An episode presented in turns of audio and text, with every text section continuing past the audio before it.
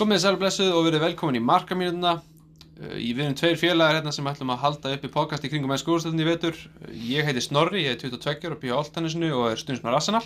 Ég heiti Daniel, ég er 22 ára frá Hafnarfjörði og held með Manchester United.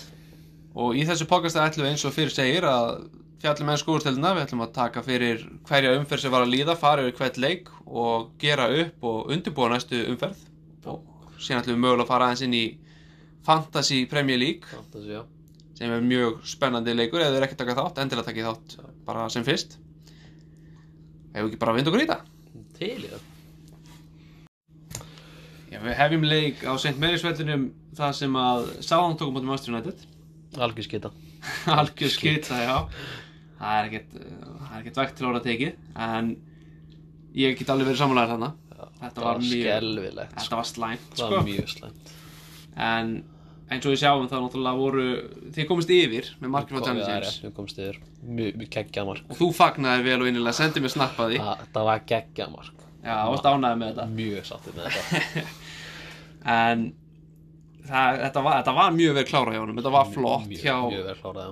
náttúrulega nýja Ryan Giggs ykkar átrúnaða góða einu Við skulum ekki segja það alveg strax. Nei, Gjörð. ok, ok en það var síðan sem jafnaði Næstu ykkur. Það var... Já. Ég ég gaf mikið satt mikið það. Það var náttúrulega bara... Þegar maður rétt, þá var þetta bara það sem er búin að gerast áður síðan. Þetta er bara Lindelöf getur ekki náði skallabólta. Nei, nei bara og leikur boltin inn, nefnir maður rétt. Já, þetta var slagur varnarleikur og. En ég meina ef við skoðum hérna aðeins tölfræðin yfir leikin þá sjáum við að þið voru meira með boltan 58% á móti 42 Mm -hmm. uh, Þið áttu fleiri skot á ramman, þið áttu fleiri skot yfir heildina Miklu fyrir skot. Þannig að kannski einhverju myndi segja að þið ættu að vinna hennar leik Samkvæmt blaðinu, já. Sérstaklega En Það það er ekki allt blaðið. Sérstaklega eftir að hann nafni innan Danso hann var reikin út af með tvær áminningar Já. Það var nálega bara réttlátt að senda hann út af, sko. Já, þetta var náttúrulega bara fáruleg tækning hjá Fárlega, sko. fárlega tekning, sko. En eins og þú sagðir, þetta er skita og tímabilið eitthvað stefnir ekki Nei, þetta stefnir ekki, ekki vel eins og er. Nei, þetta er ekki að góð. segja, sko. Nei, en það Ég spáði um sjötta seti fyrir tímabilið og þú vildi meina óvar Ég reyndar setti það líka minni spá í sjötta seti. Eins, já, eins leðalt að segja það og það gerði ég það líka. Já, en eftir þessa byrjun á United þá er ég byrjað að efast um það þegar ég skilaði að vera sjötta seti Ég held ekki að þetta endað fyrir neðan eða Everton og Þetta er bara hot take inn í fyrsta þætti Já, mögulega, það er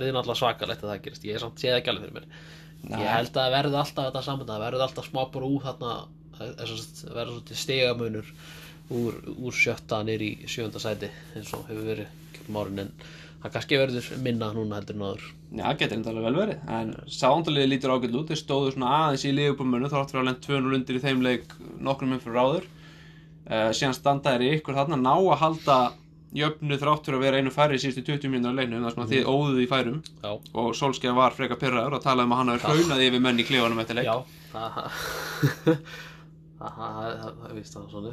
Já, ég skil hann fullkóla vel með það. Þetta var, Mjög, þetta var, þetta var mjög lélegu leikur hjá leiðinu. þetta var döpu framist það Það er alltaf eitthvað sem getur sagt sko. mjög svo. Þannig að ma maður held að það væri bara svo gott síðan framöndan eftir Chelsea leikin jú, ég meina, þetta var ekki eitthvað, eitthvað besta liðið í þeim leik en sá strax fjögur mörg og halda hreinu, það var svona gaf manni von fyrir tíðanbili en það, það fór strax niður. Já, já, þetta, ég meina Þetta er, þetta er svona einkennandi fyrir stuðnis með stórulegana við, við missum vitið um leið og eitthvað svona skott gerist og síðan, alltaf svo leiði sko. síðan er maður rifið niður á jörðina og það er bara staðrind hjá United núna. Það er Já. ekki unnið síðan í fyrstu umferð. Mm Ef við upp okkur í næsta leik já, til það Það. Er bara, ég heldur ekki mikið meira að segja þetta bara algjör skita hjá netið og ekkert annað. Það er nefnilega svolítið þannig sko. Næsti leikur sem við ætlum að fjallum er sem sagt Chelsea á móti Sheffield United. Það er unnu skita Það er önnur skita hérna. En Chelsea menn eins og kannski flesti vita komust í 2-0 já, í hálfleik. Háleik eftir tvö varnarminnstu hjá Sheffield United. Sem að verður vandamál í, í vittur þeir eru eftir að maður vissi alveg fyrir tímbilega að vörðin þeirra er ekki, ekki sterkur leikur sko. Nei, nefnilega ekki. En hins vegar að við pælum í því sko Ég er vel að búin að reykja upp af hverju hana, Sheffield United gaf fyrsta markið. Ok.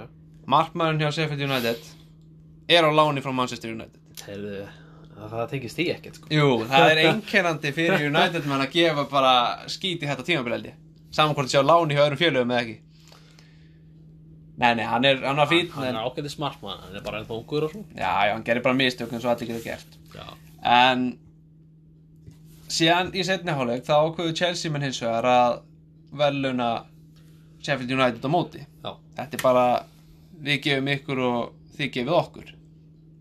Það er ekkert verið að gefa og taka skilu, það er bara verið að gefa og gefa. Já það er játt sko. Já, þannig að þetta var, ef maður horfir á þessi mörk, þetta eru mjög, bæði, bara öll fjögur mörkin í rauninni eru mörk sem eiga ekki að sjást í hans góðsendinni. þetta var, svolítið þannig leikur maður bara allt sem að gerast átti ekki að gerast. Já, ég með að Tami Abraham, ungur frammeir á Chelsea, kannski fjöldum hans betur um hann á eftir, hann skoraði þarna tvennu, já, síðan jafnar Robin, Robinson leikinn fyrir þarna Sheffield United mm, og Kurt Zuma greiði setti sjálfsmark. já. Það er ekki búið að rauna nægilega mikið yfir hann, hann vildi bæta hans í það. já, en ég menna, það var óefni, ekki alveg hægt að segja of mikið um hann sko. Mm En ég meina, við, ef við pælum í því að Chelsea menn eins og þið á móti Southampton, meira með boltan 62% á móti 38 Þið, sko þeir, sem við bara náttúrulega bara eins og stórlegin gera. Já, já, þeir áttu líka fleiri skot og já, þetta er samt sko. þetta er ekki, ekki, ekki miklir yfirbyrð á Nei. Manchester United á móti Southampton. Nei, alls ekki. En þetta er samt Chelsea á móti Sheffield United. Já, Sheffield United lið sem að nánast flest allir er að spá bara beint niður aftur og, Já. og alveg og Chelsea á Staffan Bridge á móti Sheffield United á að vera þrjú stig og þetta er á Stafford Bridge sko Já, þetta bara á ekki að gerast sko. Alls ekki. Þetta er lið sem að Leicester tók á heimavalli Sheffield United 2-1 í síðustu umferð. mm Chelsea á að klára þetta leik. Sérstaklega eftir að vera 2-0 undir, þú getur ekki, og Frank Lampard getur ekki komið góða afsökun fyrir því að hafa lent, að komast 2-0 yfir og mista þetta í 2-2. Sama hversu liðli vörnin er, hann hefði það bara getað að selja David Lewis, sem er náttúrulega meistari. Munum fjalla kannski betur um hann á eftir. það er já, já Nei, nei, en, það, þeir eru náttúrulega eru í, í, fjölskyldabanni og það, þeir þurfa bara að passa sig hverju þeim að halda þannig að Já, þetta, er, þetta, þetta er erfitt fyrir að minna að það eru leikmenn eins og daglu sem bara allt í einu heimt að fara og, og það, það er ekki hægt að leysa af nema bara með nei. ungu leikmennum en ég held líka að Chelsea liði mun ekki gera neitt sérstaklega góða hluta á þessu leiti. Ég held að verði í bastli, ég held að United og Chelsea verði í bastli og ef að Arsenal, Tottenham komist ekki meistarinn þessu leiti, já, þá bara geta þið bara glimt þessu. Já, en ef við fyr- förum hans yfir Tammy Abraham. Sami, já. Það er leikmaður sem að skoraði hann náttúrulega átti þetta geggja stangaskot á móti United í byrjun. Það er svona kannski bóðið svona kannski þetta var svona fo- svona forbóðið eða fyrirbóðið eða svona. Já, hann var svolítið að svona gera sér líklega hana eins og svona menn voru að pikka hann upp. Já, síndi allan að strax svona kraft sko. Já, hann gæti verið að fara að sína hvað hættu en alltaf Chelsea lið bara var ekkert í einhverjum, einhverjum bráslu færunum. Með tvö, tvö skot í treverkið að móti United þannig Akkurat, það var akkurat. ekkert mikið annað sko. En síðan á móti Norvits þá pikkar hann upp uh, með mjög góðum hann klárar að færa sér mjög vel á móti Norvits skorar tvö mörg, kemur aftur í þennan leik skorar aftur tvö mörg er þetta eitthvað sem getur séð bara komið til að vera? já hann, er- ég held að sé ekkert að fóna til að fara að skora tvö merkju hvernig leik sko. en, en þetta, þetta verður nú veit ég ekki hvort hann sé eitthvað meðsla pjæsi eitthvað svoleiðis en, en ég hef að trúa því að Tammy Abraham þetta verður markasti maður Chelsea í vetur og, og endar með svona 14 mörg leiki sko. Já, hann er komið fjögur, vantar bara tíu. Já, en 10 mörg í hvaða 34 leikjum, það er alveg, það er alveg það líka er alveg nokkuð góða líkur. hann og Norvits aftur eftir og Sheffield United hann setur fjögur í viðbót þar. Já, Þannig að- en já, ég, eins og ég segi ég held að þetta verði ekki beint eitthvað form sem hann má búast við frá honum endalust en eins og þú segir, hann verður markaðast leikmaður Chelsea en það, hann er eiginlega eina Já, ég, Giroud náttúrulega verður bara svona, kemur inn á og skorar á til, hann verður náttúrulega aldrei starter fyrir það sko. mm, akkurát en eitthvað meira sem við segja þennan leik er einhver, er einhver annar leikmaður sem þið fannst standa svolítið út í þessu leik eða? Um, nei, ekkert sem ég man eftir sko. Nei, ég veit þá ekki bara vipp okkur í næsta leik Mason Mount er náttúrulega mjög svona spennandi Já, Chelsea. Hann náttúrulega átti stórun leik á móti Norvits. En hann eins vegar hann gekk ekki mikið upp hann þessu leik Ekki en kannski leik. nýla stíin upp úr því að hann fekk eitthvað svona svo kallan nokk eða bara lít smávæli meðsli er en þetta er kannski bara það er bara að gefa hann tíma. Já. hann er bara ungur eins og er flestir í þessu Chelsea þegar núna verið að störa þeir eru með Pulisic, þeir eru með hann, þeir eru með Abraham þeir eru með. Zuma er líka ungur Kristensen er líka ungur. Þetta er rosalega ungt lið. Var valin til að fara með englandsóknum í, í undakeppni EM. Já, og er það ekki í fyrsta skitt sem hann er valin í landsliði, held ég? Jú, í, ég, í sem sagt A-landslið á Englandi. Jú, ég held það. Já. En og að vera valin fyrir landslið, það, það er alltaf kvartning fyrir leikmenn að gera það betur. Það er nefnilega það. En ef við vipp okkur í næsta leik? Já. Krista Palas á móti Aston Villa. Þetta hérna hins vegar kannski getum við farið aðeins út fyrir kassan og fjöllum aðeins um kannski þetta atvik sem allir voru að tala um eftir þessu umferð með sem að var átti stóran hluti. Já, Þa, það er eiginlega það er stóri punkturinn í þessu leik Já, en byrjum að því að Jordan Ayew skorar. Það er leikmaður sem að skoraði sigurmark, eða ekki sigurmarki, hann skoraði fyrsta marki á móti ykkur og Trafford. yes. þannig að þú elskar hennar gæða núna? Nei, Nei, Nei, en akkurat í þessu þá var Krista Palas meira með er bara ef við tökum það bara strax fyrir Þetta var svona tæft. Þetta var rosa 50-50 sko.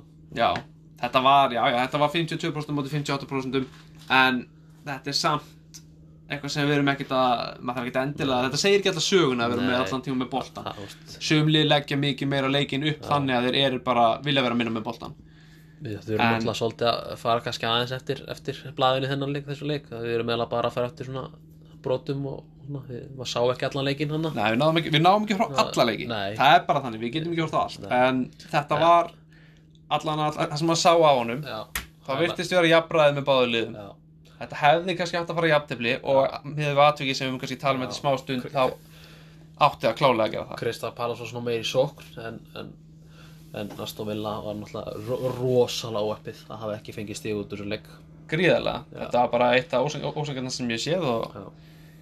er rauninni fárálega ákvörðun og kannski bara taka hana fyrir núna. fara, fara bara beint í það, já Það þegar að Jack Grealish skýst upp völlin Mhm. og hann er tekinn niður og hann, send, hann nær, nær að senda boltan frá sér. Mhm. og hann fer þá til landsbúri, henni landsbúri sem að næra hamrónum í netið og jafna metin.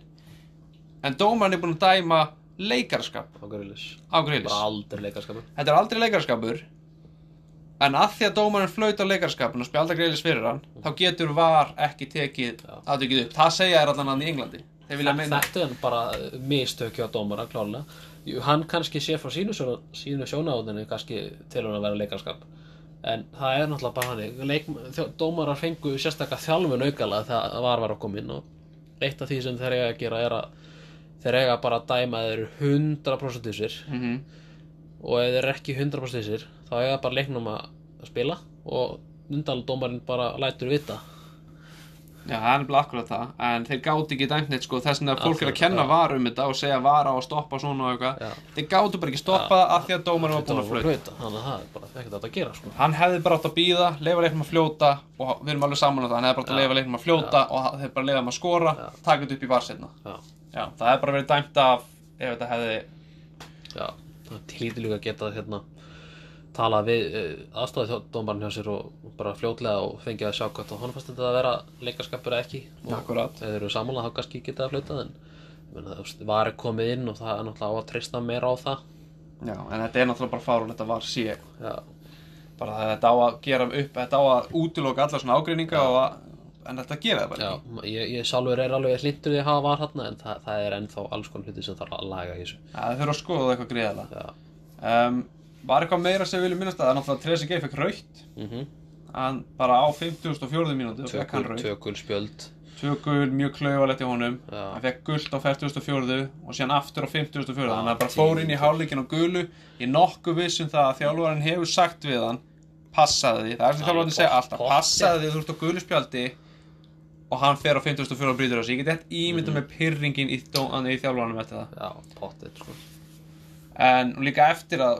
það Æjú skorar á 74. 73. hann skorar ekkert í fyrri hálfleik hann skorar í 73. Já.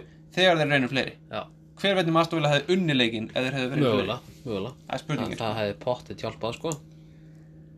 En síðan náttúrulega í Aston Villa byrjunleginu erum við með hann Tyrone Mings sem að kalla er upp í enska landsliði mm Búin að vera frábæra út í já, hann er búin að vera geggjaður og smá fantasy tip bara fyrirfram með hérna 4,5 miljónir, það er spurning hvort að fólk vilja horfa á hann. Það er kannski eitthvað það sem henda átti að hendi í sko. Það er svona allan að skoða. Já. en erum við þá ekki bara búin með þennan leik? Jú, hendum okkur verið í Leicester gegn Bormoth Leicester Bournemouth, sáleikur fór 3-1 Já, og það var bara þetta gamla orðalag Jamie Vardy's having a party. Það er bara þannig. Já, Jamie sko. Þetta var bara party heimi á Tvö Jamie. mörk og stóðsending hann, já, tvö mörg og stóðsending og ég get sagt það, ég var mikið að íhuga það að hendi hann í fantasy. Og gerir stór minnstök þar sko. Ja, gera, það, gera það ekki. Það er mikil sorg að hafa ekki hendi hann. Nei, hendi wildcard þarna fyrir þessum umferð og maður hefði getað hendi honum inn en sleppti í. En þá náttúrulega er hann geggjaður, það er bara Já. þannig. Það er, þannig virka fantasi sko. En ég svo sem var búinn að nota alla leikmenn í gagnagrunnum Þannig að ég get sagt um alla leikmenn í leiknum En Þetta var nóg mörgum sko. Þetta var nóg mörgum En það er eins og er Lester virðist bara hafa verið sterkari. Já. Bara ægilega alla tölunar eru þeim í, ha- hana, í Bara alla tölunar skipta máli eru eiginlega þeim í hag. Uh, Fengum mér þess að minna gulum spjöldum. Já, En þetta er Já, þetta bara, þetta var hörkuleikur. Það er hins vegar eitt atriði sem að Bormoth menn voru brjálæðir yfir Tæklingin hjá Júri Tillemans, þetta búin að sjá hana? nei. Nei, það var fáránleg tækling. Það sem er bara ligg, hann hefði getað fótbrotið Ok, er þú engin, sýnum sko. hann aftur. Mér minnir að það sé nefnilega akkurat tækling á Callum Wilson. Ok, og hann var brjálæður yfir þessa tæklinga því hann náttúrulega nýlega búin að katta hann upp í enska landsliði Ah, spenntu fyrir því og síðan ah. fær hann þessa tæklinga á sig. Og þetta er náttúrulega bara pjúra rautspjald og það skulle ekki hafa reykjað hann út af mér finnst það svolítið skrítið. En ég bara svo við tölum aðeins aftur um var. Mér finnst mér finnst eitthvað við, ég fæ svona tilfinninguna við séum ekkert að fara að sjá dómaran draga ákvörðuna eða var draga ákvörðun dómarans í Eva. Nei. en þeir segja bara ef þetta er augljós mistök en hvar dregur mörkin yfir í augljós Já, það mistök er svolítið erfitt að, erfitt að draga þá línu sko Hvað, hvað er auglust og hvað er ekki endilega sko. Það er nefnilega málið. Þannig ég er svona maður er svona báðum áttu með það. Já, en persónulega Jamie Vardy bara ef við höldum okkur í góðu liðina bara sleppum var að það getum, við getum hægt heilum þætti í var umræðu já. Kannski gerum við það einhver tíma en við skulum ekki gera það núna. Ekki núna, ekki núna, við erum að tala um hina leikina. Já, en Callum Wilson sem sagt hann jafnaði metin eftir að Jamie Vardy kom Lester yfir. Og það var síðan Júri Tillemans sjálfur já, sem að skoraði á 41. Já, það er og hann er, það er svolítið magnað sko að hann setur boltan bara í netið eftir að hann var liggur reikin, átt að vera reikin út af. Já. Náttúrulega var ég búin að skora hann undan. Já, Já, en þetta er þetta var ríkaleg tækling hjá honum. Og mér finnst bara stórkostlega skrítið dómarna að mista þessu, bara sorry, maður er bara hálf pyrraðar eftir þetta. Ég hef ekkert um móti lester, ekkert um móti til að geggja lið, geggja leikmenn en ég vil sjá svona brotum bara refsa því að þetta er stór hættulegt en til mér hann hafa fengið guld Ok, Þannig að dómarinn hefur akkurat tekið þá ákvörðun að gefa hann guld fyrir þetta. Nei. Þannig að hann fekk ekki Hann ekki einu sinni Hann fekk ekki neitt. Þannig ah, að Ok, ég hef nú ekki séð þetta en með lýsinguna á þessu þá það er svolítið lélegt sko. Men er það samt ekki þannig að ef að dómarinn spjaldur eitthvað leikmann þá má peka upp eftir leik? Jú, ef hann sá ekki að Já. En ef hann skrifaði skýrslunum sinni í ákvað spjaldan ekki eða eitthvað svona þá, Já, ok. þá náttúrulega er hann búinn að gefa dóm sinn og dómur dómar stendur. Það er bara þannig. En Tílumans átti eftir að koma mikið þessu. Hann lagði upp mark fyrir Lester, fyrir Valdi og skoraði sjálfur. Já Áttu góðan leik Þannig að hann átti hörkuleik. Það er spurning hvernig þessi leikur eins og með hinleikin hann að Krista Pálas Aston Villa hvernig þessi leikur hefur farið ef, þetta, ef hann ekki ef hann hefði verið reikin út af. Þetta er bara, Það hefði breytt leiknum sko já ég meina þetta er bara stór fyrirlegt en ef við tala aðeins um þetta markið sem ég var, þú er búin að sjá það? Markið sem Ben Chilwell sendi boltan fram sem ég var í, bara við, bara setur hann. Nei, Það er ekki búin að sjá ég er þetta mark. ekki búin að sjá verkinu í leiknum. Þú vart að fara að vinna smá sko, heimaðinu fyrir þetta. Smá heimaðinu, En sko, Jamie Vardy sem sagt fær sendinguna langt fram völlin og hann bara, þetta er bara klikka finnist, þú verður eiginlega að horfa á þetta og ég mæli með að hlustundur, þetta er Úf, ég mæli með að hlustundur horfi á þetta mark, ef þau eru ekki búin að sjá þetta. Hann er alltaf að meta góðan volley sko. Það kunna flestir að meta góðan volley, það er bara þannig. En hann, þetta var geggja mark hjá honum. Geggju sending frá Ben Chilwell. Það var bara þetta var náttúrulega bara fullkomið. Já. en það ég er mér svona mörg oft mjög bara vannmetin um, ef við ekki að halda boltanum aðeins rúlandi og fara bara í næsta leik? Já. við erum bara búin með þennan leik og förum yfir í Manchester City Brighton. Það er bara sláturinn. Það var 4-0 Brighton átti ekki sens en þó svo að þetta var 4-0 þá hefði ég ekki gíska á það að stöðlinn hefði verið hár að sitt í hefði neitt á 4-0 Nei, ekki 4-0 endilega. Ég sko, Þeir Þetta samt sitt í, þú veist Þeir, þeir geta skorið mikið að vilja nánast sko. að ég veit en ég held, ég bara, ég er persónulega að segja ég held að það er mjög líklegt að City myndi vinna þetta 4-0 fyrirfram. Ég held að leikurinn myndi fara svona 3-4-0 Já, já. En það var ég búin að hlaða mig upp með valdkartinu mínu af Störling og De Bruyne. De Bruyne stóð sig, Störling ekki en Já, já það, var, það var annar maður sem var stjarnan í þessu leik. Já, það var Kun Aguero Já, Sergio Kun Aguero sko. mögulega besti frammeirinn í sögan skúrsna það er svona debatable svona Hann Top 5 allavega. Hann er top 5, Topp ég, þrír það er klárt sko. en við, það er eitthvað sem getur kannski tekið upp í einhverjum bara sérsku þætti. En þetta var bara sláturinn, sitt í liði það er bara unun að fylgja sem við spila fótbolta. Já. þetta er bara þeir, geggjali þeir spil úst, Þetta lið spila bara ótrúlega fótbolt til að horfa á. Þannig að mm kannski eina svona klárt. Þegar maður horfir á úst, maður tekur svolítið eftir bara hvað hitlið á bara ekki rof í þá sko.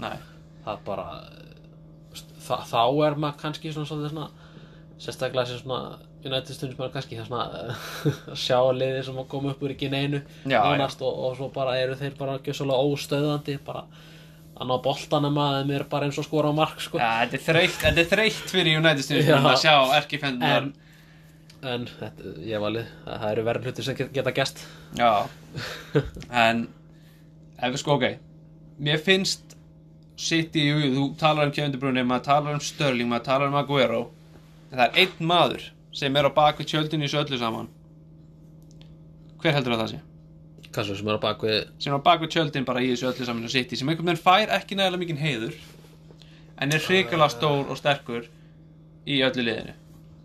David Silva. Það er David Silva, David Silva sko. litli rétt. hann, hann er einhvern veginn alltaf bara til staðar. Já, hann, er, hann dansar bara í gegnum þetta bara í gegnum alla vörnir milli varnamanna, ekkert mál. Hann er geggjaður. Hann er ekkert undanlega alltaf að skora get mikið að leggja upp. Hann lægir þetta tvö upp í þessu leik en hann er bara alltaf til staðar og alltaf með geggjaða sendingar og svona úst, mikið, og mikið þátt í spilinu og svona. Já, það er nefnilega málið. Og hann er, hann, já, akkurat, hann er ekki að skora mikið en hann lagði upp tvö í þessu leik og ásamt ég reyndar að De Bruyne lagði upp eitt og skoraði eitt Já. og Aguero lagði upp eitt og skoraði tvö. Já, Aguero klálega maður leiksins, svo ekki taka það af honum. Já en hann David Silva ásamt meiri bara meiri heiðu skilið sko. en ég held að þurfum ekkert mikið að vera að fjalla um þetta. Sittilið bara var geggjað í þessu leik eins og í flestum öðru leikjum. Mhm. reynda Laporte meðslin já, það er mikill missi fyrir sitt það er mikill missir. Það þeir hafi ekki svona alveg mann til að leysa hann af. Þetta er mjög slæmt, þetta er mjög, þetta er mjög vondar frétti fyrir sittilið þeir, þeir áttu með 8 mendi náttúrulega búin að spila með honum. Já, Stones er búin að vera meittur í byrjun tíma hann kemur vantarlega inn í byrjunlið þetta er samt John Stones já, já, hann er ekkit hann og Otamendi hafa báði meðslasögu Já, uh, og- þá kemur hvað Fernandinho inn í liði og, og, og Stones er nú alveg þekktur fyrir ja, þekktur, hann, hann hefur nú gert nokkur nokkur, nokkur stór mistök í boltanum hérna. Já, já. Eru þið með eitthvað annan? Þeir eru náttúrulega bara með Stones, Otamendi og Það var ekki Fernandinho að Fernandinho myndi mögulega hann myndi fara í inn í- sko. að leysa hann getur það alveg en ég er full að trúa Fernandinho í öllu þessu en ég Já. veit samt ekki hann á líka sína meðslasu Já, hann Laporte er klárlega að öllu líkjöndum úr leik á þessu ári. Já, við þurfum bara að sjá hvernig það kemur út. Uh, náttúrulega kallar upp í franska landsliði í fyrsta skiptið og hefði átt að spila sem fyrstu landsleiki en meittist það er svo klikk að spila fyrstu landsleiki hann þetta var er, líka geggjaður í fyrra sko. þetta er leikmaður sem ætti að vera lungu búin að spila landsliði Löngu en þetta er sami landslistjálfur og er ekki að velja að laga sett í hópin Já. en við skulum bara Deschamps er nú alveg þekktur fyrir að hunsa leikmið þannig að Já, maður rétt á að vildi hann ekki velja Rýberi sko. Nei, nei, er en ef við ekki að reyna að halda smá tempo í þessu já. förum hérna Newcastle Watford þetta er kannski Já. leikur sem við þurfum ekkert að fjalla brjála mikið. um en hann fór já, og við erum að taka þetta það seint upp að hafi Gracia í farin hafi ekki að síða það er búið að láta hann bara hverfa bara bless og bara góða ferð Já. en og bara takk fyrir allt í rauninni en það er ekkert mikið sem við getum sagt um þennan, þennan leik. Nei, Þetta er bara rosalega, þetta var rosalega svona slaguleikur, Vilhús skorar og annar í mínúndunni kemur yfir. já, Fabian Schär Fabian Sér jafnaði. Með reyndar, það var markið sem Newcastle skoraði, það var hendi í byggingunni. Varst ekki búin að sjá? Nei, Nei, það var hendi og var, varnarmann. tók það ekki af. Þetta var hendi á hend- sóknamann Og sóknamann já Það var náttúrulega bara taka þeir, það sögðu bara einfallega, við sáum það ekki, við vorum ekki að skoða hendina, við vorum að skoða, við vorum að skoða eitthvað allt annað í þessari upptöku, sá ekki hendina Ok. og baðast formlega afsökunar eftir leikin. Það er náttúrulega bara já. Enn og aftur- Þetta lítur ekki vel út fyrir Nei, sko, enn og aftur er var að skýta, það er bara þannig. En nú skulum við bara negla okkur í næsta leik hérna. Það er Vestam Norvits Vestam á móti Norvits. Púki lestin Púkilestin, hún heldur ekki áfram, Nei, ekki þessu leik. mikil, mikil sorg fyrir okkur menn sem eru með henni fantasy Já, ég er náttúrulega nýbúin að taka hann inn og eðala, Já. en ég held að sé það. En þetta er samt aukaðatriðið með það að hann bara Pukki er bara, ég held að þetta- ég held að sjá stoppistuð Já, Þetta er ekki Þetta endastöð. er ekki búið, þetta er langt að vera búið þetta er ekki endastuð, þetta er stoppistuð Pukki verður það að segja hann en hann, hann, þetta er eini maður sem er að fara að skora eitthvað svaka mörk þetta Norðslið er að fara að fá hellinga mörkum á sig veitur. En Pukki verður hann til þess að halda þeim uppi held ég. Já, en þetta er Sebastian Haller og Andri Jarmolenko sem setja mörkin já, og þetta er bara í rauninni Jarmolenko komandi fyrra stórt nafn. Mm bara fólk, allir mjög spenntir fyrir því. Mjög spenntir. Þetta er eða þrjú sísonu röð sem vest har með með stórt lið, stórnöfni liðin um að gera stór hlutamarkaðanum og maður býst einhvern veginn við bara heiminum að þeim. Maður býst við þeir geti farið í Európa-dildina, jafnvel Challenger meistarstildina. samt alltaf bara svona tíundasæti Já, það er einhvern veginn klikkað en Vestham er skemmtilegt lið myndi ég segja. Ég var alveg til að sjá þú að lenda ofar. Já, ég hef smá trú, meiri trú á með að núna þrjú mörg á þessu tímabili. Þannig ég hef trú á honum, hann geta alveg gert eitthvað. En bara nóg að þessu leikja ekki? Jú. Förum bara í næsta. Það er börnlega mútið Liverpool, það sem að púlararnir sannfærandi sigur já, áttu erfitt í byrjun já, og svolítið lengi í gang það var sko Chris Wood hjálpaði þeim svolítið þarna það var Trent Alexander-Arnold með já, það sem að allir held að væri bara undramarki honum já, en, En- svo reyndist ekki nei, það var bara Chris Það Wood átti loka það snertinguna var alveg en breytti feitt um stefnu sko. Það er bara þannig. En síðan var það Sadio Mane sem skoraði og Roberto Firmino skoraði á 80. mínútu þeir eru bara þetta og svona gulltryggja þetta. Já, En- alltaf búið spil sko. Það var bara spurning hvernig hinn mörki myndi koma sko. Það er nefnilega málið. Þetta var aðalega bara spurning um hvernig mörgum myndi koma. Leopoldmenn voru bara algjörur yfirbúra lið hérna bara. Já. áttu næstu tvöfall fleiri snertingar á boltan heldur en börnlegið í leiknum. Já. En þetta var svo sem það, við þessu var búist. Já, það var engin að klárlega. búast við því að börnleg myndi taka eitthvað frá Leopold nei, það er engin, allan engin heilvita manneskja. Nei. þetta var en miðað við sko börnlega á að vera lið sem spila mjög harkalega en þeir Já. brutu bara tíu sinnum á sér heldur en á meðan Leopold brut 16 sinnum á sér. Já. Mjög áhugavert. Hvernig ætla liðbúl sé að fara að tapa Hvernig fara þeir að tapa stigum? Það er spurning, ég held að muni gerast. Mér finnst Ah, þeir þeir, þeir sálsögum munu tapa stigum þeir eru ekkit yfir burða sannfærandi lið. Ef þeir hefðu mætt sitt í byrjun leik þegar þeir hefðu tapað. Já, það vantar allir svona í liði það vantar allir svona í liði og það vantar svo mikið þegar allir svona í burtu. Mhm.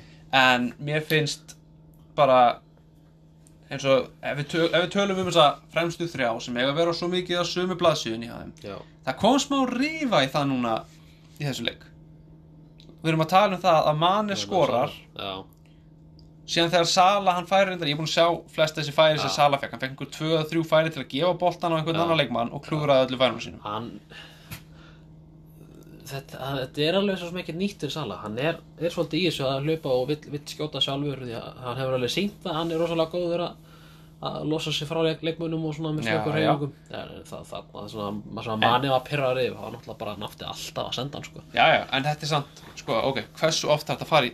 Fyrst gerður eitthvað, hann fór úr klúðraði færinu þannig að Klopp var brjálar, það var stundu 2-0 Klopp var brjálar út í hann og gargaði á hana því að hann var ekki sáttu með það að hann geta klára leikin hefði hann bara rent hann á fyrir mínu já, hann var brjálar í því, síðan fær hann annað færi að hann getur rent hann á manni og hann- Mane verður brjálar út í hann síðan þegar hann leggur upp marki fyrir Firmino í lokin það var bara af því að það kom maður í hann og hann þurfti að gefa hann frá sér. Já. annars sem bara mist boltan og þá skoraði Firmino ég held að Sala hafði ekki eins og verið að reyna að gefa hann. Ég held að hann ætlaði að fara að ná í óvart en þetta, þetta er bara eins og Sala er. Hann er markaskorur og þetta Já. maður kannski vill ekki taka það í burtu frá honum. En bara, vildi ekki bara komið gott að þessu leik. Kom fínt, kíkjum við á sunnudaginn. Sunnudagur hérna, það var Everton á móti Wolves. Það var skemmtilegu leikur Það var hörkuleikur, það voru menn sem að, það voru ímsu menn hjá Everton sem duttu í, duttu í gang sko. Uh, Moise Keane eða Ken, fyrir því hvernig ég vilja segja þetta. Við skulum bara segja Moise Keane hérna. Hann lagði upp fyrir Richarlison ekkit beint fallegasta assistið eða stóðsendingin þetta var svona, bara svona já, þetta var ekki fallegt það er kannski, já, fínt að segja það bara. Nei, nei, en hann hins vegar hann er komin á blað með þetta. Hann er búinn að Já. gefa stóðsendingu að að bara stóðsendingu. gefa Það- hún það bara, þetta var flott. Um, þeir komast yfir á 50 mínúturni það er síðan Romain Saiz sem að leggur hann upp. Jafna metin, já, Wolves. Já, hann jafnaði meiti fyrir Wolves. Og síðan á 12 mínútu þá er minn maður Alexi Vóbi og minn maður Gilvið Þór Sigursson eða okkar maður Gilvið Þór Sigursson loksins, akkurat þegar maður tekur Gilum Fantasy þá, þá Já. gerir hann eitthvað. Þá leggur hann upp með þessari fallegu sendingu beint á kollinu á Alexi Vóbi. og Alexi Vóbi náttúrulega fagnaði þessu eins og engins í morgundagurinn. Hans annað mark fyrir þetta hann skoraði nú í byggarnum í vikunni já, áður. þetta fyrsta deildamarkið hans. Já, fyrsta alvöru markið hans. Já, fyrsta alveg markið, nákvæmlega. En það var síðan eh, Raúl Jiménez sem að skora á 7050 og jafnaði fyrir Wolves. Og þá leit kannski út eins og þetta væri bara að fara að enda í jafnteflisleikur. Þeir voru það var svo sem allt í lagi jafnt en Já. Everton samt meira hún var svona aðeins með aðeins svona, meira með þessu sko. meira með boltan, meiri skot þegar jú, Everton átti alveg skila að vinna leik en uh, síðan var nefnilega Luka Dinje sem að lagði upp sigur markið fyrir Richarlison. En aftur, Richarlison í þessu leik já, það svipað með hann og Gilva þeir eru búin að vera svolítið týndir fyrstu leikina Já, já, ég meina eins og ég segi, þetta er bara leikurinn þar sem allir þessi menn sem er búin að vera týndir í byrjun tíma við stuttu inn í. Já. Núna getur góður hluti fara að gerast í Evertón, sóknin var það sem vantaði, en leið að þau gefa sókninni smá meiri, aðna, meira bit, það skortir að ganlega í vörninni því að Wolfsnaði setja tvö á. Já. Og Wilfred Bóli fekk síðan raukt, hann var í banna mot Chelsea í næstum fyrr. Það var það óþarfa annað guðla spjaldið hann sko. hann þurfti ekkert að fara í þessa tæklingu Það er nefnilega málið, þetta var mjög heimskulegt. þetta var bara svona pyrringur að vera að tapa í lókin sko. Já, já, og hann átti að halda haus sem gerði það ekki, það er bara lítið í því að gera núna. Já. en þá var það stóri leikur helgarinnar að mínir menn sko það er bara þannig Arsenal á móti Tottenham 2-2 jafntöfli já, það, þetta er þriðja skita helgarinnar og það hafa Tottenham hafa ekki haldið leinum já, Já. já. Arsenal var allan tíman betra liðið í þessu leik. Já, sko, Arsenal komin inn að leik að mínum mati og flestra mati voru þeir sigurstanglir fyrir leik. Já, þeir áttu að fara, fara inn að leik og þetta var svona kannski leikur sem þeir áttu bara að vinna. Já, en þeir gefa Kristján Eriksen markið á tíundu mínútu. Já, ekki svolítið þetta var já, þetta var klárlega hægt að s- eiginlega skrifa þetta marka á leinu sko já, en ég vil ekki endilega skrifa þetta bara á línuna ég vil skrifa þetta á því líka. kannski, já. Sokrates fer út úr stöðunu sinni ríkur upp í einhvern skallabolta þegar Sjaka og Kane er að berjast um skallaboltan Kane er alltaf að fara að vinna. Já, saman hvort að Sókrates kom inn í þetta eða ekki. Sókrates er bara að halda stöðunu sinni. Þá fer boltinn sem að Kane flikkar beint á Sókrates, hreinsar í burtu. Já en, en þú veist, svo kemur þetta skot. Þetta er ekkert eitthvað brjálæslega fast skot. Þetta er drullu lýrætt sko og þetta er ekki svona út í hotnið þetta er bara Leno úst, er í góðri stuðu til að verja þetta en hann getur ekki haldið boltan já, hann átti náttúrulega að gera miklu, miklu, betur, sko, miklu en hann hins vegar náði ekki að gera það og lítið í því að þetta gera núna en, en síðan eru vítaspilnan hjá sem að með fá já, sem að Harry Kane skorar úr. Já, kemur með 2-0 ekki svo. hvað var Granit Xhaka að pæla? veistu, það er hefur bara ekki að, að lýsa því sko hann kemur og sko ok ég er búin að horfa á þetta margóft. Þegar ég var pyrrar í leiknum það þurfti ekki að, ekki að tala um mig þá sko. Það var að fara að lenda 200 undir en maður sá að Harry Kane var frá punkti þá erum við bara að fara að lenda 200 undir með tóttina Kane skorar alltaf Emirates. Já líka alltaf á vítaspilnu þannig að Harry Kane á, á vítapunktunum með Emirates það er bara mark. Já, þannig ég bara um leiðu sá Harry Kane var inn á vellinum og Sjaka gefur þetta víti Já. staðan er 2-0 og þá byrjar maður að vera svolítið pyrraður núna eftir að hafa náða jafna mig ok, 2-2 og allt það þá horfði ég aftur á þetta Sjaka virðist ætla að tækla og ætla bara að fara fyrir boltinu svon hann hrættir um að svon sé að fara að skjóta eitthvað hann bara reiknar þetta svona rosalega illa út.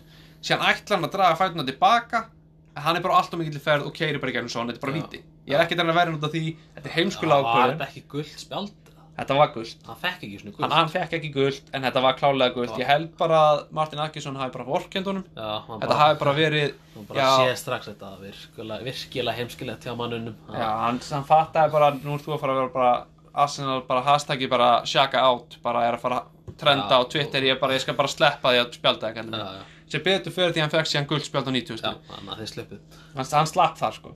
En á 40.70 fengu Arsenal með líflínu þegar Alexander Lacazette skorar. Já, og það er komið, það er komið stóðsending á Niklas Pepe. Nicolas Pepe. Já. ha, þennan mikla kóng. Spennandi, spennandi maður hafa ferð. Já, en talandi um konga, það var Matteo Guendouzi sem að lagði upp. Hann er mikið kongur, þú vilt meina að hann sé ofmetin leikmaður? Æ, mér finnst hann eitthvað svo leðilur Ja, hann er hörkudrengur, þetta er bara flottu leikmaður og ég held að hann muni gera hörku Hann er ágættur, jú, jú. En hann er svona Mér finnst sumir gefa nú svona aðeins svo mikið kannski hérna aðeins svo mikla aðtegli fyrir hann svona. Mér finnst hann ekki alveg eitthvað eitthva svaka frábær leikmaður sko, en hann er fín hann er, hann er náttúrulega bara ungur. Hann er ungur. Þannig að hann hefur mikinn tíma til þess að verða heimsklassa, heimsklassa leikmaður. Heimska leikmaður, já, heimskur Nei, heimsklassa leikmaður. Þannig að eh, það kemur bara ljós hvernig það fer. Já, já, en ég held, eins og ég segi, ég býst við að hann verði hörku góður en, og hann náttúrulega fekk fyrsta kattis upp í franska landslið og Já, það er gaman að sjá hvort hann hafi spilað, ég enda veit ekki hvort hann hafi spilað fyrir þá, en það er bara vonandi spilað hann fyrir þá, já. En Tvö tvö þessu leik. 2-2 í þessu leik og er ekkert mikið meira sem þurfum að gera upp, það voru engin sérstök atvik, Nei, ekki, ekki þessu leik allan ekki neitt svona almennilegt, en erum við búin að fara yfir alla leikina. Uh, og allan að þessi leikir frá þessari fjóruðu umferð. Þessi fjóraðum fyrir bara búin að, við erum búin með hana. Já. Það er bara flott. Jæja, þá er það næsta umferð Það er fymta umferðin. Fimmta umferðin. Já, við byrjum á laugardeginum. Við erum á laugardeginum Og við ætlum bara að hendi í létta spá Við ætlum ekki allt og mikið að svona Það verður ekki allt og mikið í lumraða Bara réttan ekki spá. Uh, Hvernig heldur að liða búin njúkast svo fari? Hátíðisleikurinn um, og Anfield. Newcastle. Þeir unnu tóttina Þeir unnu tóttina, töpa mútið Arsenal. Já. Uh, Samt tapum út Arsenal Það var ekkert eitthvað rosalega sannfærandi sigur í Arsenal Þannig að Newcastle með lið sem var svona svolítið niður talað fyrir tímbilið Já, það að komið óvart. Það hefur komið óvart. Ég, ég held að samt að Liverpool vinni þetta. Já, og Liverpool hefur verið svolítið sannfærandi ofta á móti liðum sem að hafa átt að vera erfið þetta er Liverpoolið Ég held að þetta verður svona 3-0 sigur fyrir er Maður segir, Já. þó að þeir hafa verið nokkuð þéttir njúkastómennir Já, ég ætla að segja 3-1 Ég ætla að segja 3-0 fyrir Liverpool. Ég ætla að segja hérna að hérna flop of the season og þeir hérna í spáni Jolinton Jolinton set 1 Já. Jolinton með, hann, ég stend við það, hann verður flop um, Brighton á móti Burnley Það, ég, þetta mér Rikki leikur sko. mér finnst svona jafntefli slitt af þessu. Já. Brighton hafa samt ekki verið samfærandi Nei, Ekki eftir fyrstu umfyrirna nei. Fyrstu umfyrirna var geggjuð, 3-0 sigur. Burnley búin að vera eitthvað sannfærandi? Burnley eru búin að vera Alltaf lægi, hann er láttu liðu Nei, það var ekki með liðbúl síðast. Jú, með liðbúl síðast. Jó, það var 3-0 Svona erfitt að taka, erfitt að marka það Það er, veist. Það er Liverpool, það er ekki að marka það. Þeir fengur bara pásu, þeir fengur bara frí frá því að vera dæmdir. Já, En 1-1 þú seg, ég segi nefnilega, ég er akkurat 1-1 sko. 1-1 uh, ef, ég- ef eitthvað liði tekur þetta þá er það Burnley með 2-1 Já, uh, Manchester United Leicester. Þínu menn? Verður, grátið Ég, ég von ekki. Þú vonar ekki? Svo sannlega von ekki. Ég er samt ekkert eitthvað rosalega bjart í þessu leik. Nei, ég sinni bara fyrir mig tárið þér sko. Samt og- samt á Old Trafford sko. Já, En ég meina við áttum líka Wolves á Old Trafford og við gáðum ekki unnið það. Sko ég skal segja það ég, það er mér, mér er bara freistandi að Crystal Palace átt á Old Trafford og töpum því. Já, mér er bara freistandi að hendi Jamie Vardy Fantasy og triple captain að líka við því að ég held að verði annað party á Jamie Vardy. Á Old Trafford í þetta skipti. Ég held að verði, þetta verði svona 3-1 sigur fyrir Leicester. Ég ætla að segja 2-2 2-2 Danny jafntefli. James skora aftur. Hann séu tönnu. Ná, hann skora eitt. Hann skorur eitt. Herðu, ok, það var að Sheffield United Southampton Ég ætla að segja Sheffield United við þetta. Bara svona smá skot. Já, þeir hafa ekki verið mikið að halda hreinu. Nei Ég ætla að henda í- Enda verður 2-1 Ég ætla að hendi í 1-1 1-1 jafntefli þar. Ég segja 2-1 uh, Spurs á móti Palace. Um, Tottenham var tap með Newcastle undan þinn ja, fyrir hvað vikur síðan cirka. Og Palace vann United. Mm uh, síðan vann Krista Pallas Aston Villa og Tottenham gerir jafntölu við Arsenal. Já, þannig uh, að ég ætla að segja að Tottenham vinni þetta samt. Og ég ætla að segja að það verði 2-0 sko rugglingurinn í kringum liðið er komin í svona meira lag. Það er komin meira lag á þetta.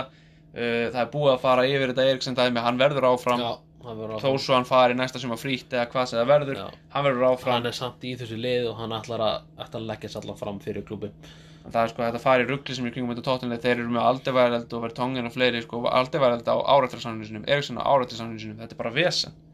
En þetta færi það setna en það er 2-1 fyrir spörs í þessu leik Tottenham vinnur þetta 2-1 ég held að sé ekkert að fara Krista Pallas að fara að taka þetta. Ég gæti sem talið sé játtöfli þar Já. en ég segi 2-1 ég ætla að segja 2-0 Wolves á móti Chelsea. Það er áhugaverð á mólinu Það er, eins og ég, Chelsea, það er svona það er erfitt að gíska á þá í þessa sísun út að þeir hafa svona ekki fengið að vesla á svona. Mm -hmm. uh, Wolves er lið sem að er mjög stert já á Molinu og Molinu er rosalega erfiði völlur mér finnst Wolves samt hafa mistið þessu svolítið svona Já, þeir, þeir hafa ekki byrjað eins um að bjósti sko. ekki eins og maður bjóst við sko. En þeir samt áttu Leicester og United var gert Já. jafntefli við bæði lið og maður svona kannski að gefa þeim smá sins fyrir það. Já, uh, en Já, ég, þetta er erfiður leikur að spá það því að Chelsea menn varnarlega ömulegir já, sóknarlega eru þeir með Tammy og þeir Já. eru með hana, Mason Mount. Já, Tammy er heitur núna sko Já, ég held samt að Wolves vinni þannig leik 2-1 Ég ætla að segja 1-2 fyrir Chelsea. 1 fyrir Chelsea, 2 Já. fyrir Wolves. Smá, Um, smá skot. Ok, Norwich Manchester City. Hvað er að segja, no, City vinnum mörgum. Nei, Ég held að það sé spurning. stóra spurningin Ég ætla að segja 4-1 fyrir City. Ég held Já. að minn maður Raheem Sterling City þrennu. Hann bara ætlar að bæta mér það upp að hafa ekki gefið mér einn fantasy stig í síðustu Ég viku ætla að segja 3-1 og hérna Pukki setur fyrir Norwich. Já, það geta alveg verið.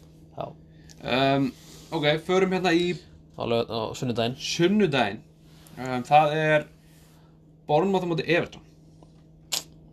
Það getur verið ákveldsleikur Já, Það er svona spurning uh, Everton byrjaði svona bröðslega á sísunni mm.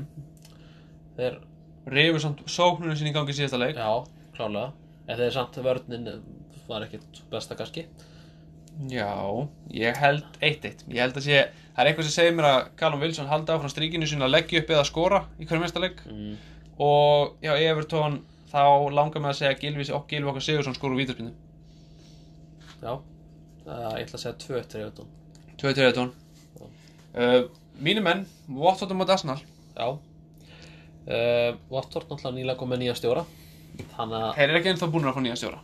Verður hann ekki með á morgun. Það er ekki, er ekki búið að staðfesta neitt Verður hann ekki já ok, ekki búið staðfæst Það er ekki búið að staðfesta neitt nýja þjálfara Ekki þegar ég kíkti síðast.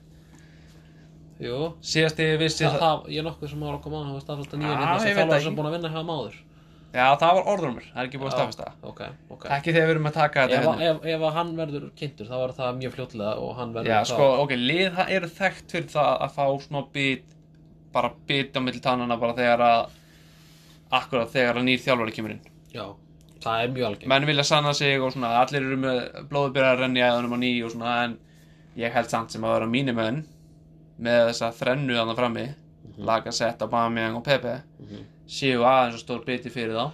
Já, og ég held, ég ætla að segja 2-0 fyrir Arsenal. Ég ætla að segja það, segi, það er góð punktur þegar það kemur ný þjálfari þá er oft þannig að þeir vilja svolítið sína sér leikmenninir ekki fara að spá þessi einhver svona ruggli Nei, nei, það sem, það sem ég ætla að spá er að, er að Arsenal vinni leikinn. Já, en það verður 1-0 og þeir eru eftir yfir miklu vandræðum en þeir setja eitt mark svona svona 60 mínútu já. Þetta verður alls ekki sannfærandi sigur Arsenal ætla að spá. Nei, eins og ég segi, 2-0 þýðir ekki endilega samfærandi sig Nei. Ég held bara 2-0 að því ég held að ég munu setja hann kannski nokkuð snemma Og að síðan eitt kannski í setni álinu Já, ég ætla að spá fyrir að verða líka aðtök þar sem að svona Watford, það verður mikið talað um eftir þessi leika að Watford átti að fá mark. Já, geta alveg verið. Uh, Var kemur alltaf til talsins. Já, En uh, Aston Villa Vestam, síðasti leikurinn Mánudagsleikur. um, Aston Villa sko. Á heimaðalli Aston Villa, Villa Park. Villa Park, já.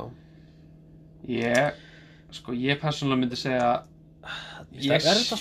Já, Þetta er erfiður leikur. Já, En ég, ég persónulega held að Aston Villa sé að fara að taka þetta já, 1-0 Ég held þeir sé að fara kannski smá skrið á heimaðalli og það verður svolítið vígi Villa Park. Já, ég, já.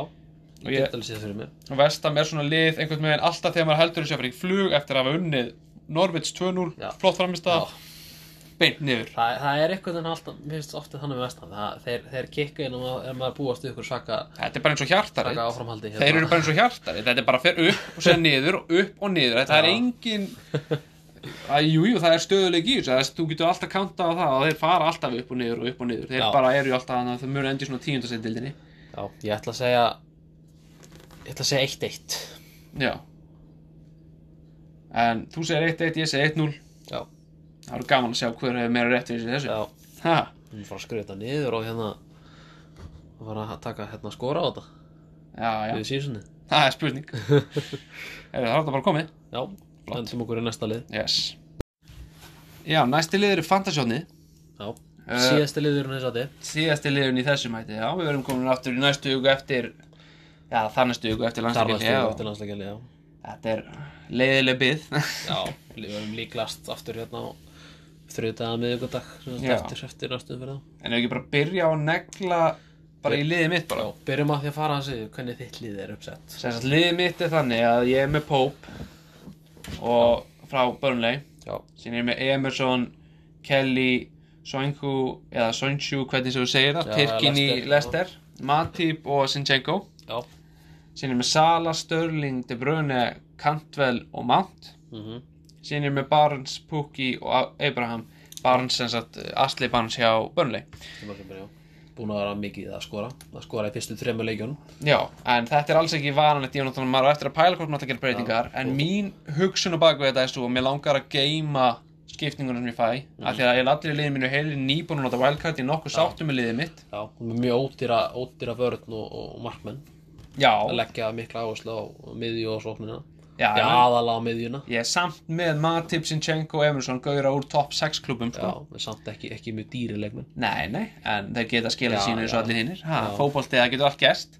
En ég hins vegar er aðalega bara að leggja áherslu á það að ég ætla hugsalega bara að geima skiptinguna mína. Einu gæðin sem er tæpir á mér er Kelly. Kelly er hvort er á bekknum hjá mér sko, hann á tóttina. En hendum bara í, já, ég mun bara hendi í það, geima skiptinguna, eiga hann inni. Já Það eru liðið þitt. Lið mitt, það er Ederson í markinu og Hítón varmumæður Mhm. Svo er ég með hérna í vörðin er, er hérna Ake, Dunk, Van Anolt, Dinni og Matip Mhm. Miðjan er Cantwell, Harry Wilson, Mattisson, Sala og Störling og frammi Ab, Tammy Abram, Pukki og, Wesley hjá Aston Villa Já, þetta er náttúrulega vestlei, ég man að ég stakk upp á hann fyrir þið en Já, er- þú talar um hann tala, já, ég talaði um hann en hann á sama tíma sko, ég held ég hefði aldrei tekið hann sjálfur svona nýtt að henni viti sko. Nei, Þannig það að var áætta sko. Þetta var áhætta og hún gæti hann að skila sér ef þú heldur tryggð sko. En við, við sannlega, við notum báðir og elkarti í síðustu já, um, Ég ætlaði ekki að gera það, svo bara, svo bara gerðist það. Já, ég held ég að við farið í gænum eins og ég sagði fyrir í þættinum bara, ég held ég að við farið í gænum alla gaurana í fantasy bara databaseunum Já, ég bara fór í gænum alla, þannig ég geti rauninu sagt bara við hvaða leikmann sem er eins og ég, ég er búin að segja það eðurlega að Aguero og Vardy eru leikmann sem ég pældi mikið að taka og sé mikið eftir að hafa ekki tekið. Já, Firmino líka. Þetta er bara eins og segi, ég er allir í databaseunum var með Kane fyrir valgatið en ég eins og segi, ég sáttu með liðið mitt. Og ég myndi stinga upp á því að fólk bara myndi sem sagt geima skiptingunum sinna ef það er, ef þú ert með nokkuð heilt lið, nokkuð sátt með liðið já Þarf, þarf ekki að vera í þessu sko. Bara býttu með að það færðu tvær skiptingar fyrir næstu umferð, þú veist ekki hvað gerist þessa helgi skilur og ég myndi, þá getur hendi svona svo kallað mini-valkart þar sem þú ert bara með auka skiptingu mm -hmm. getur hendi mínus fjögur stig og verið með þrjá skiptingar. Það er bara, Já, það, þú getur gett hellingsbreytingum með því. Og ég er mögulega að í hvort ég er að tróða Vardy eða Aguero inn í liðið mitt í gegnum það. Hvernig gekk annars síðast um fyrir þar? ég fekk 59 stig. 59, já. já, þannig að ég var tveim yfir meðaltalinu. Tveim meðalari Ég endaði líka með 59 stig. Já, það var mjög pyrrandi að ég var svolítið langt eftir á fyrir hérna síðasta daginn já, ég tók þetta því, Þá allt í henni kikkaði þetta að sjá mér hérna Hver var það aftur? það var tinni Það var Dinje, og Dinje fekk hérna, hann lagði upp hérna, Lagði þetta upp á mark hérna, 80. 80. mínútu. mínútu og, og, og hérna gessalega bjargaði minni umferð sko. og það var líka í dágáðan tíma leiðið út sem ég myndi vinna þetta með einu stíð það var 59-58 Já, svo síðan allt í kom bónustíð og já. allt maður En svo hérna bara tölum yfir uh, skoðum hérna sísoni bara helsinni um, Kartu með heilastum, mástu það? Heildastíði mín, þau eru nú ekkert, eh, ekkert rosalega há, ég held sem 197. 197 Já, ég er með 197 stíð. Já, og ég er þá með, já, með 40 stuðum mér, ég er með 237 Jú, væntalega. Þetta er, þetta er bara ekki búið gott sísonum með ykkurleikinu, sko. 287, já Já, þetta, þetta byrjar ekki vel en það er málið að Þetta er bara byrjunin Þetta Nei, er, sko, nú ætla ég að kvóta nágrannan okkar Asanamann í London, tóttanarstunismennina, sem segja Þetta er ekki sprettlaup, þetta er marathon. nákvæmlega, þetta, þetta er marathon Þetta eru 38 leikir, það eru bara fjóru búnir eins og okkur í fyrra þegar ég var hérna Hvað, ég var með 60 stiða forskot á þig eitthvað, þú náðu því Já, já. Svo endaði reynda það að ég vann, var, hvað, 100 stiðum fróðað í lokin, eitthvað svoleiðis. Já, ég held að það var 80 eitthvað. Já, En ég var, var á tímabili 100 stiðum fróðað, ég maður það. Já, ég er náttúrulega að kvæta það sér niður, þetta er bara hluti að þessu. Þetta, það getur um allt maður þarf bara nokkur umfyrir Ég man líka hérna var það ekki þetta rándið því ég trippulkaptaðin að hver og þarna og grætt alveg hvað 50 stig á því einn umferð það var mjög pyrrandi að þið voru, ég man alveg eftir þess að þið voru búin að tala um að allir um að Já. klippa kæfturinn á móti Cardiff og þú hætti við það, ég að þið fekk ekkit út því og síðan ég bara... man ekki svona móti hverju með trippulkaptaðin Nei, ég man það ekki heldur. Nenni ekki pæli í. En ég, ég grætti eitthvað 50 stig í einn umferð á því En ok, og kannski fara bara rétt til lokin bara yfir það hversu margir er að hver eru helst að koma inn, hver eru Já. stóðu sér best og svona. Byrjum allan að skoða bara lið umferðanar bara. Já, í markinu náttúrulega Fabianski með sjö stig. Já, átti Uh, ég ætla ekki að fara að ráðleika fólki að taka Fabianski Nei, þetta er svo, bara típist Það er flest alltaf leikið það fara mörg á sig og svo kemur að þessi leikur sem heldur hreinu þá vera hann hætti ekki leiðinni. Já, og það er bónusti vörninni Masuaku, Vestegard, Alexander Arnold, það er bara þessi Já, maður svakar náttúrulega lagði upp Vestegard skora mútið nöttið og Alexander Arnold laðu. Arnsson fekk, fekk assist fyrir að setja hann í annar leikmann og já. Um, Fyrir Charlesson með tvö, fekk 15 stig. Það var rosa gott múf já, já, þetta er braunin náttúrulega með 13, ég græti svolítið á honum. Já, Tílemans uh, sem kannski hefði ekki átt að Já, fá mörg já, stig út af já. rauðaspjaldstæminu en Já, hann fekk samt 12 nákvæmlega. Og Robinson sem skoraði náttúrulega á móti Chelsea setti 11 stig. Og hann er tæpur fyrir næstu umferð. Mm -hmm. Vardi og Aguero og svo kongandir í þessum umferð. Já, og sem Tammy Abraham, okkar maður, hann er mættur hann Já. með þeim í framlínuna, þetta er hörku lið Já, Þetta er ábyrgslið En ég held að þetta lið myndi ekki gera mikið í deildin heldur sko. Fyrir utan það að þessi strækjar eru góðir þá er, og markmannin allt í lagi en þá er vörnin mjög slög miðjan, hún er svolítið gödótt ég þetta lið geta ekki gert mikið eins sko Nei, þetta myndi alltaf aldrei vera að liðkost sem er Nei, en ef við förum bara yfir kannski bara hverjir eru mest uh, sel, bara seldir úr liðum. Já. Þinn maður, Marcus Rashford.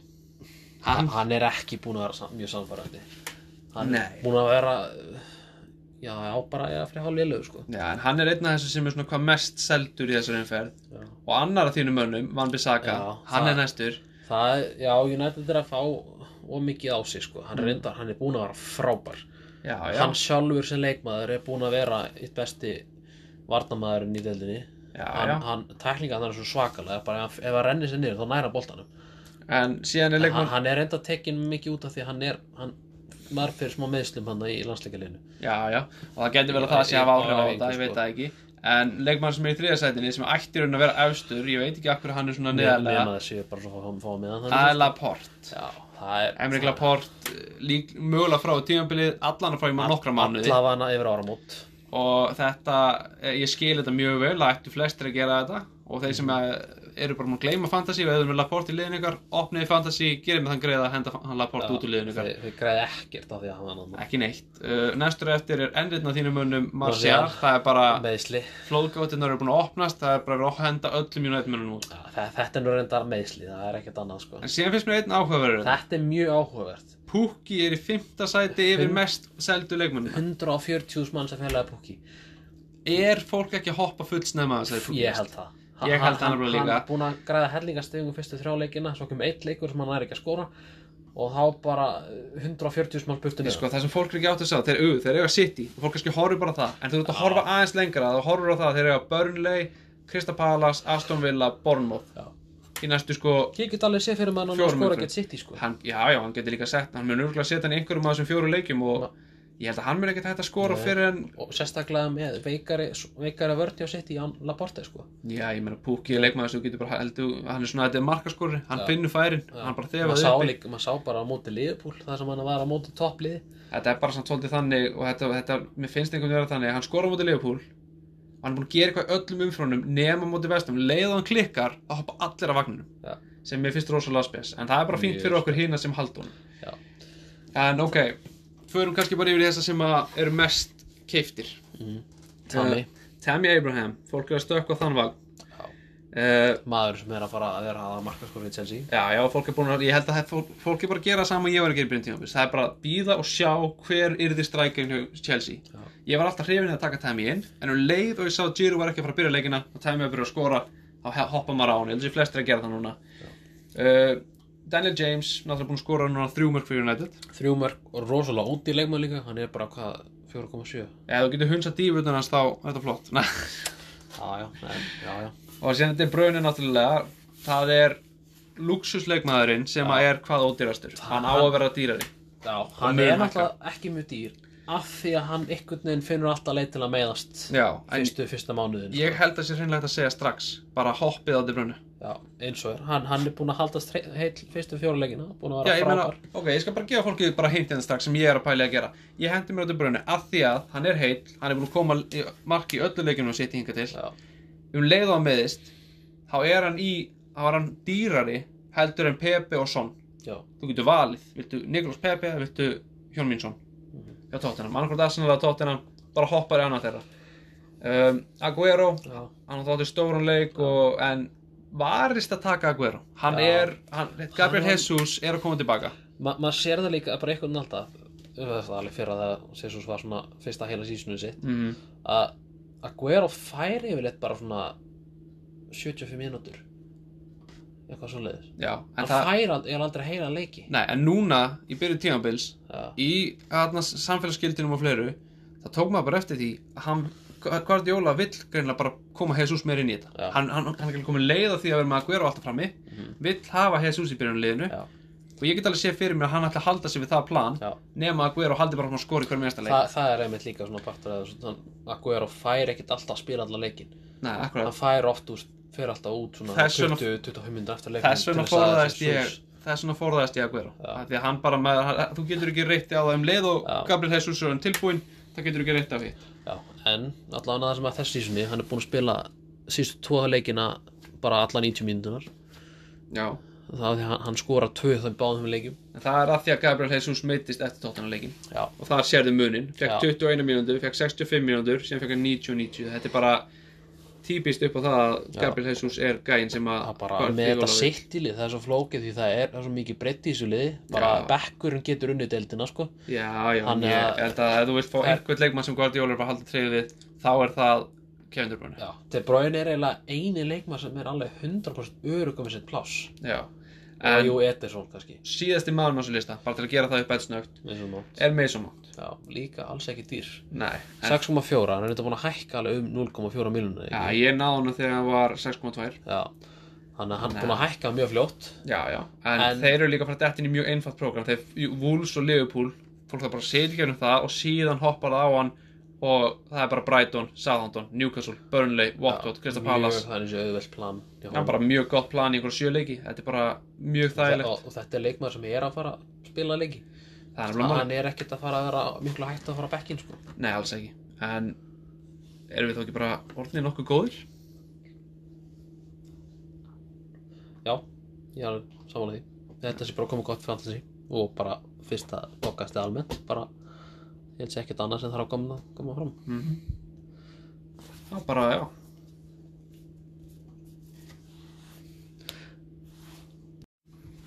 En annars er þetta bara komið gott hjá okkur í dag. Já, og þetta var fyrsti þátturinn af vonandi mörgum. Já, vonandi verðum við hérna bara eftir hverja einustu umferð. Já, og bara ef þið höfðu gaman að hlusta okkur uh, þrasa hérna áfram þá bara endilega sting, já, bara með, mæli með þessu fyrir fleiri og Já Og endilega eða þér á þá yfir á þessum miðlum sem að lefa að hérna gefa einhvern og endilega gefa okkur einhvern fyrir hvað ykkur fannst. Akkurát. En við hérna Við semst bara ætlum að reyna að vera einu sinni viku Já, og mögulega ætlum að hendi einhverju sérstaka auka þætti með það kemur ljós setna Já, við erum með nokkra svona nokkra hugmyndir. Það er smá í vinslu ha. en þetta er allan að búið að vera hrikalega gaman að vera með ykkur og bara já, Já, lifið vel lengi